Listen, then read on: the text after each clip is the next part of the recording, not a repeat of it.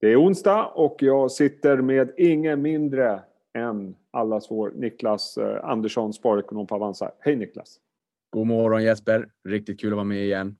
Du, eh, jag tänkte vi skulle prata om eh, några grejer idag, lite iakttagelser. Det är ju sista dagen på kvartalet. Jag tänkte vi börjar med att kolla på senaste månadens flöden. Vi börjar med aktier och det är en salig blandning av bolag men jag tycker mig se en liten röd tråd. Dels vad gäller att man är lite bottenfiske men också vinsthemtagningar. Håller du med? Jag håller med. Och just den här månaden var ändå lite komplex, för ibland så brukar det vara en väldigt tydlig röd tråd, men den var, den var lite svårare att hitta den här gången. Men precis som du är in på så är det en del bottenfiske på bolag som har fallit på egna meriter. Vi har ett Volvo, Embracer och Tesla. Eh, Volvo, halvledarkrisen. Jesper, jag tror inte jag tror inte gemene man har förstått hur stor den här halvledarkrisen globalt är. Och när folk ska jobba hemifrån och man har ett kontor hemifrån mer eller mindre kontor. Mm. Eh, och är de människorna som kan jobba hemifrån också gör det. Man har kanske en ny telefon, man behöver en padda, man kanske behöver en ny dator, en ny skärm. Eh, och sen så kanske barnen också vill ha ett, ett, Playstation för att stå ut med att du är hemma hela tiden. Inget av det här kommer vi liksom få. All, all elektronik behöver ju halvledare och sen har vi fordonsindustrin också där de halvledarna som jag förstår det är lågmarginalshalvledare. Så att de aktörerna som har möjlighet att välja mellan att tillstå fordonsindustrin halvledare eh, eller mera datorer, paddor etc. väljer det senare för att där är marginalen högre. Vilket innebär att det är inte så att vi tillverkar mindre halvledare, men det är en sån jädran efterfrågan just nu. Eh, så, att, så att det går liksom inte att leverera. Sen så adderar vi Suezkanalen på det, hur mycket står och väntar. Ehm, så där sa Volvo att vi, vi kommer behöva dra ner produktionen. Jag menar, många tillverkare av lätta fordon har ju redan sagt det här. Volkswagen och Audi och ja, de flesta Volvo personvagnar. Men nu ser vi ju lastbilsaktörer också där man säger produktionsneddragningar står på agendan. Det här påverkar både intjäning och kassaflöde och det är negativt, mm. vilket det såklart är. Embracer tog in 7,6 miljarder inom loppet av 25 minuter om jag förstod det hela rätt. Där säger man att förvärvsdriven tillväxt framåt. Det har ju alltid varit förvärvsdriven tillväxt på, på agendan såklart. Vi hade med mm, Lars Wingefors i Uppsala kväll och han sa att vi har en diger agenda med, med uppköpsobjekt och när vi förvärvar bolag så får vi deras lista också. Det är ganska många miljardbolag eh, på den listan så vi kanske skulle kunna se ett större förvärv. Den aktien har också varit ner lite grann under månaden men efter att man placeade den där så såg vi att aktien skuttade upp hyggligt så det här gillar ju marknaden. Nu finns det mycket torrt krut i ladorna. Ehm, och sen har vi Tesla också som har haft det lite utmanande. Ehm, många konkurrenter som har aviserat deras eh, varianter av elbilar som antingen nu kommer ut eller snart är på väg ut. Plus att marknadsandelen i Europa eh, har, har, varit lite tuffa. Där har man tappat marknadsandelar. Så tre aktier, lång utsvävning, tre aktier som under månaden har fallit lite grann på egna meriter men som ändå har varit favoriter bland spararna. Ehm, och där man valde att eh, plocka upp de här. Och det här kalaset finansierar man med att sälja Evolution. Eller Evolution Gaming. Så att de har bytt varumärke till Evolution, men bolaget heter väl fortfarande Evolution Gaming. Och det här gjorde man även förra månaden. Men backar vi bak tre månader, då, då köpte man Evolution. Men den här aktien kom in i OMXS30 i början på januari eh, och, och, har gått upp 51 procent. Och by far eh, lämnat alla andra aktier i OMXS30 i backspegeln. Eh, och det här blir ju någon form av paradox också. När en aktie går väldigt starkt, det är klart att då blir den ju kanske en sumobrottare på relingen på en liten eka. Så att jag tror att många tar hem lite vinster här för att finansiera en rotation i portföljen. En del tillbaka till värde, till de som har, bolagen som har fallit på egna meriter. Eh, och, och, aktieägarna i, i Evolution är upp 400 procent sedan inledningen på förra året och 27 procent i inledningen nu på mars. Så att, det är inte så att, att spararna lämnar Evolution utan snarare att man tar hem lite vinster. Och jag vet inte vad du säger Jesper, jag tycker det är ganska sunt. Ja, det tycker jag också. Det är väl ganska naturligt att man gör så efter så starka uppgångar. Jag noterar också på, på säljsidan så ligger eh, de stora bankerna som har haft en otroligt stark start på året. Jag tror det är upp nästan 20% bankindex i Sverige vilket kan då jämföras med väldigt svaga perioder dessförinnan. Eh, men bankerna, det är ju knappast så att de har haft ett fantastiskt kvartal eh, fundamentalt utan det är mycket flödesstyrt, det är lite högre ränta eh, och så vidare. Så att där vore det också intressant att se hur spararna agerar framöver tycker jag. Vi står ju ändå i den här kampen mellan värde och tillväxt. Vi ska prata ut mer om det senare. Ja, och det har ju varit en lång kamp mellan värde och tillväxt. Alltså man, man har hoppat emellan och sen så när, man har hoppat från tillväxt till värde, sen så har det, den rörelsen gått lite för långt och då har, tycker man kanske att, att eh, tillväxt har tagit lite för mycket stryk och sen hoppar man tillbaka dit. Och vi har ju sett den här, det här hoppet emellan ganska mycket nu egentligen sedan november då med vaccinbesked. Eh, men, men någonstans, som du säger, mycket är eh, flödesdrivet och det har ju varit i stor utsträckning under ganska lång tid på börsen nu.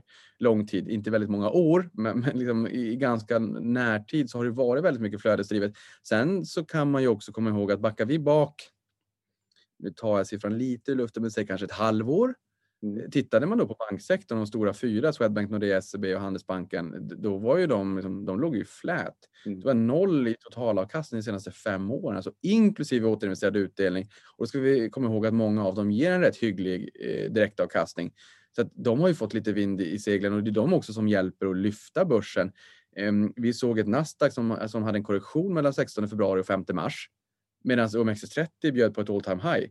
Så bank har ju tagit över stafettpinnen lite grann också. Jag tycker att de förtjänar lite mera kärlek när de har varit ute i kylan och frysboxen under så lång tid. Men som du säger Jesper, vi har ju sett en multipel expansion och mycket flödesdrivet. Ja, och, och bankerna som du säger, hela det här värde, vi ska prata om lite sektorrotation sen, men det har ju verkligen hjälpt den svenska börsen som är en av de absolut bästa i, i år i världen på grund av att vi är en traditionellt ja. värde värdeindex eh, om man tittar på de stora bolagen. Om vi, om vi tittar på fonderna då. Det jag ser där det är liksom att man köper ganska traditionella länder eller geografifonder. Det är liksom Nordamerika och det är Sverige och det är globalt. Och så säljer man eh, mycket hållbart. Mm. Jag tycker att det är ganska intressant för eh, det, det man väljer att köpa. Sverigefonder, Sverigefonder får varannan fondkrona. Men, men sen som du säger, det, det är världen och det är tillväxtmarknader. Och det för mig vittnar ju om att man målar lite grann med de breda penseldragen och vill ha en exponering mot en bred återhämtning globalt, vilket IMF också nu var ute och aviserade att man då man höjer förväntan då på, på eh, den ekonomiska tillväxten och förhoppningsvis så får vi en rivstart också i ekonomin. Man hoppas och tror att det bubblar väldigt mycket under ytan. Men och den här rotationen på fondsidan, den finansierar man genom att eh, sälja eh, gröna energifonder och eh, eh techfonder. Och de här har ju varit favoriten under förra året. Ja. I princip under hela förra året så kampade ju eh, grön energi och tech. Mm. Och det är klart att menar, i techsektorn så har vi sett att det har blivit lite bubblig terräng även i, i, i liksom det gröna spåret. Blivit lite bubbligt. Det, det, är klart att det här är ju trender som växer starkt men det vet vi ju och det blir en crowded trade när alla vill dit samtidigt. Och det gör ju att värderingarna lyfter väldigt mycket. Förmodligen därför vi också såg en korrektion på Nasdaq eh, i, i början på februari fram till 5 mars då när, när långräntan börjar dra lite grann. För nu säger ju amerikanska förvaltare att nu oroar de sig inte över pandemin längre eh, som, som största orosmoln. Det finns ju alltid orosmoln. Nu är det ju stigande långräntor vilket leder till ökade finansieringskostnader för bolagen plus inflationen, det här inflationsspöket. Eh, så att pandemin kommer ju inte på, förrän på tredje plats och får, får brons. Mm. Och det är klart, stigande långräntor, det slår ju direkt på techbolagen. Så de är upp mycket. Jag ser det här som att man blåser av skumkronan på en öl. Okay. Det är liksom en, en värderingsexcess på ovansidan som blåser bort lite grann. Man får ja. omallokera lite. Tech, det är som tror jag många har haft mycket tech, plus att tech har gått väldigt bra så att eh, tyngden, koncentrationen i portföljen har ökat. Nu har man fått ombalansera lite grann för nu är spelplanen mycket bredare när man vågar köpa fler bolag, när man vågar tro på en värld post pandemic. Ehm, och jag tycker att det är intressant att man, man också springer tillbaka till Sverige och finansierar det med det som redan har gått bra. Vi ska komma ihåg, Sverige är upp 17 procent sedan årsskiftet och det är ju de här traditionella ekonomin, bankverkstad, mycket som har dragit. Eh, mars, vi ser ut att gå mot bästa mars på OMXS30 på över 30 år. Det är en jättestark mars och, och, och OMXSGI, breda Stockholmsbörsen inklusive återinvesterad utdelning Jesper, det är upp 87 procent sedan botten i fjol. Ja, det trodde du inte för ett år sedan. Eller inte jag i varje fall. Nej, och sen enorma stimulanser ska ju också tilläggas. Ja, vi tog eh, mer stimulanser på tre månader än vad vi gjorde på sex och ett halvt år efter mm. finanskrisen. Jag förstår det och att det är tillgångsinflation både på bostäder och aktiemarknaden. Mm. Men ja, faktum kvarstår. Eh, vi är högre nu, rejält högre ändå. Och, och då är det ganska naturligt att man eh, viktar om eller ändrar lite grann i sina portföljer. Du, jag tänkte vi ska avsluta med att titta på eh, tre saker som har präglat det här första kvartalet. Vi har varit inne på det här sektorrotationen så jag tar en liten sväng till. Men en sak som verkligen har hänt det är ju antalet börsnoteringar. Jag har en graf på hur det har sett ut i USA i Q1 och det har ju fullständigt exploderat antalet börsnoteringar. Eh, hur ser det ut i Sverige? Samma sak? Ja, men det är samma sak här. Sverige brukar ju Sverige brukar stå ut i ett eh, europeiskt perspektiv. Norden brukar stå ut och Sverige brukar stå ut där i. Nu kampar vi väldigt mycket med Norge som, som faktiskt slog oss under förra året. Men det kommer ju in väldigt mycket bolag. Vi hade nu bara senaste dagarna har vi ett LMK, ett Embelence, ett ACQ, ett Idun ja. eh, och det kommer in väldigt många bolag. Väldigt många bolag i pipe. När jag säger vi Mm. Eh, I och med att det är en Chinese wall mellan mig och Korpen. Vi i Sverige, Stockholm, kommer in på, på de flesta listorna. Och jag såg en tweet igår också eh, där man sa att IPO-flummen i Norge, mm. jag vet inte, det där lät så himla bra, men, men, men den, är, den är också väldigt, väldigt full av bolag. Det, det kommer in jättemycket bolag på deras motsvarande First North också, eh, Euronext Growth Market. Eh, ja, svaret på, på din fråga, det, det kommer in jättemycket bolag. Och det här såg vi ju 2016, 2017, jag tror att det var 2017, när det bara, bara rusade in bolag. Och då kan man ju fundera på varför. Är det för att värderingarna är så höga att man får jättebra betalt eller för att efterfrågan och börsen är så het att det finns väldigt många tagare där ute, många intresserade nyfikna sparare som vill vara med. Sanningen kanske är någonstans mitt emellan med dragning åt det förstnämnda.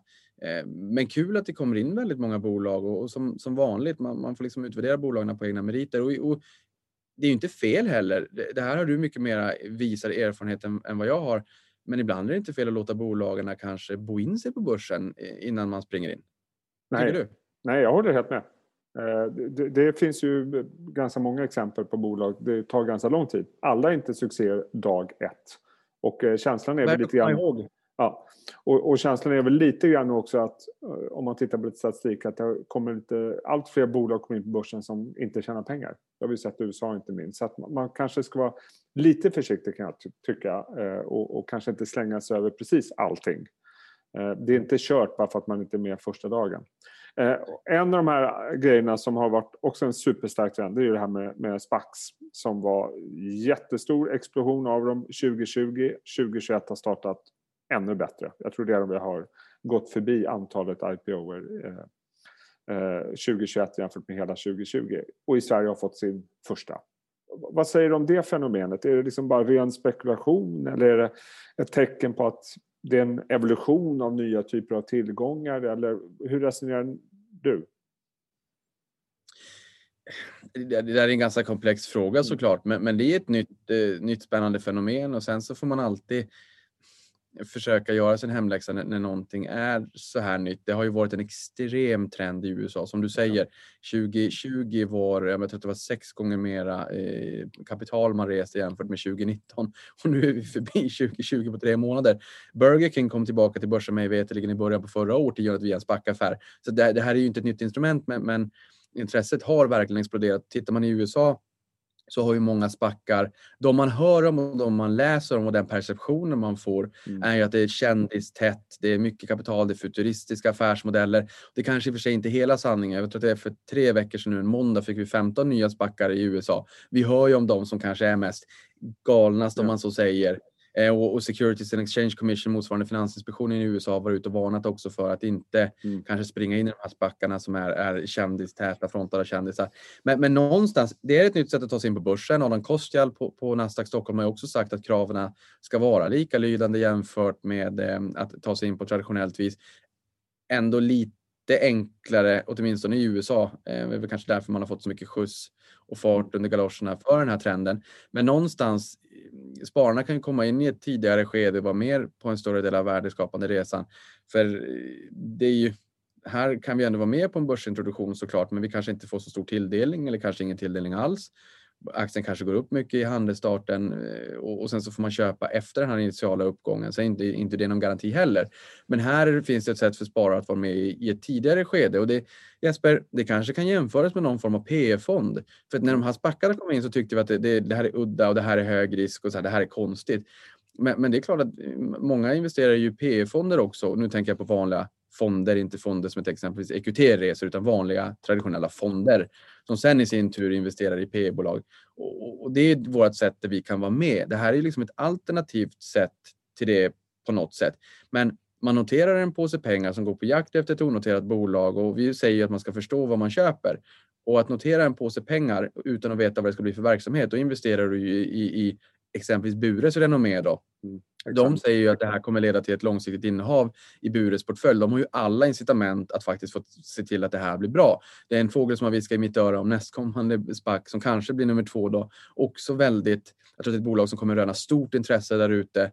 Men, men som alltid, man måste göra sin egna hemläxa och jag reflekterar lite grann kring eh, jag vet inte var du är född, eh, på vilket BB. Jag är född på BB Boden, eller Bodens Danderyd. BB. Danderyd. Ja, och, och, mina barn är födda på BB Stockholm i Danderyd. Um, så du har Danderyd, så BB Stockholm, så Bodens BB. Um, ehm, det är ju ingen idag som utvärderar mig, tror jag i alla fall, på, på vart, vilket BB jag föddes på. Förutom att de hör att jag är en sävlig norrlänning.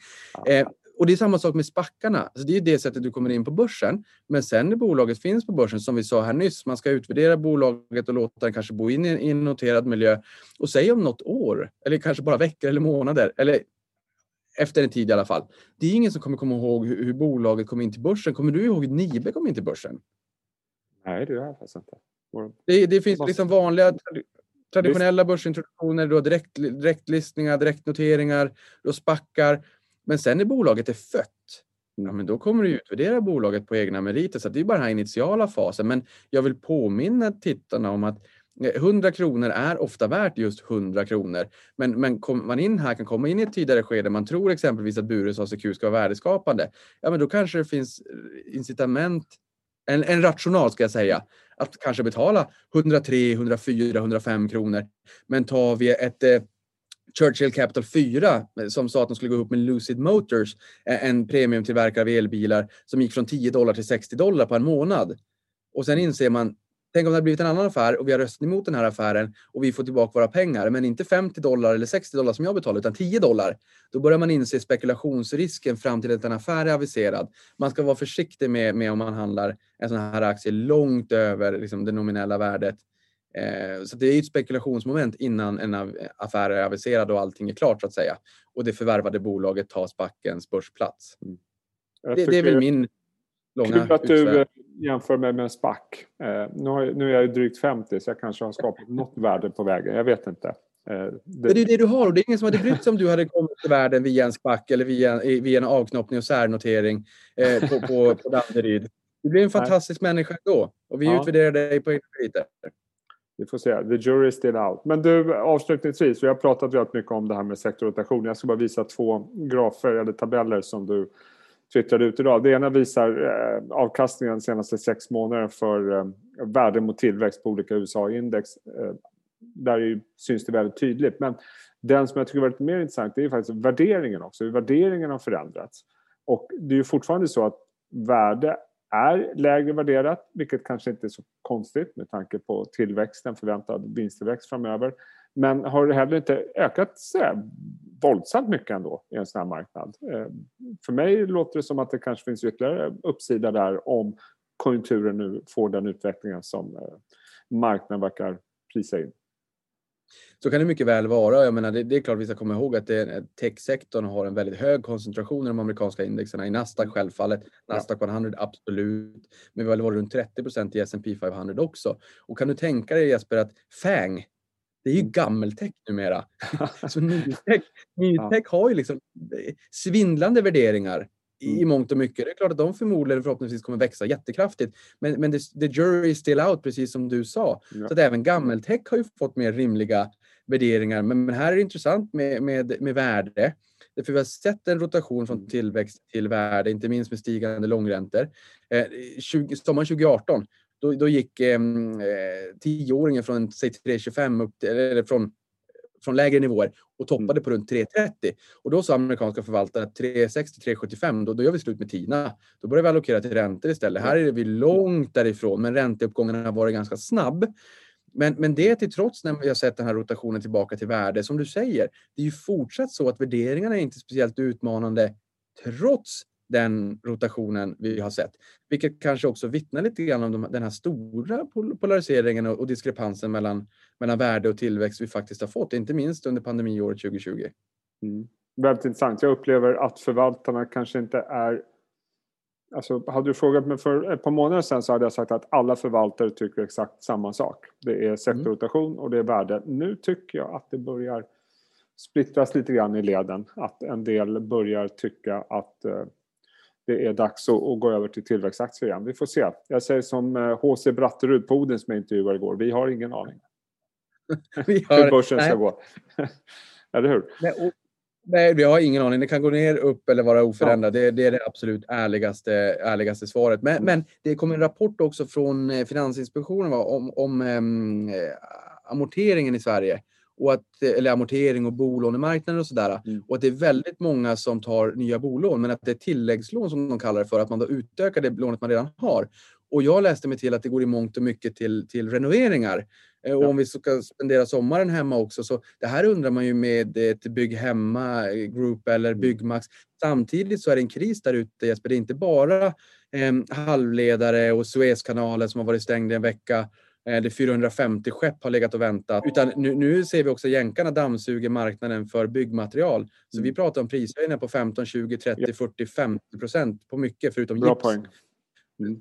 Spännande att se vad det kan leda till i sommar när alla ska bygga altan. Mm. Inklusive undertecknad eh, ska göra det. Eh, kul att snacka med dig Niklas. Det känns som man skulle kunna prata hur länge som helst eh, med dig. Men, men, jag tror de flesta har lämnat oss i det här laget. Men... ja, du sa ju också håll det kort sa du och det går ju alltid lika bra. det går alltid lika bra. Jag ser fram emot när vi kan börja köra lite mer eh, normala intervjutekniker igen. Eh, du, eh, sköt om det och ha en riktigt härlig eh, påsk. Tack detsamma Jesper. Ta hand om dig.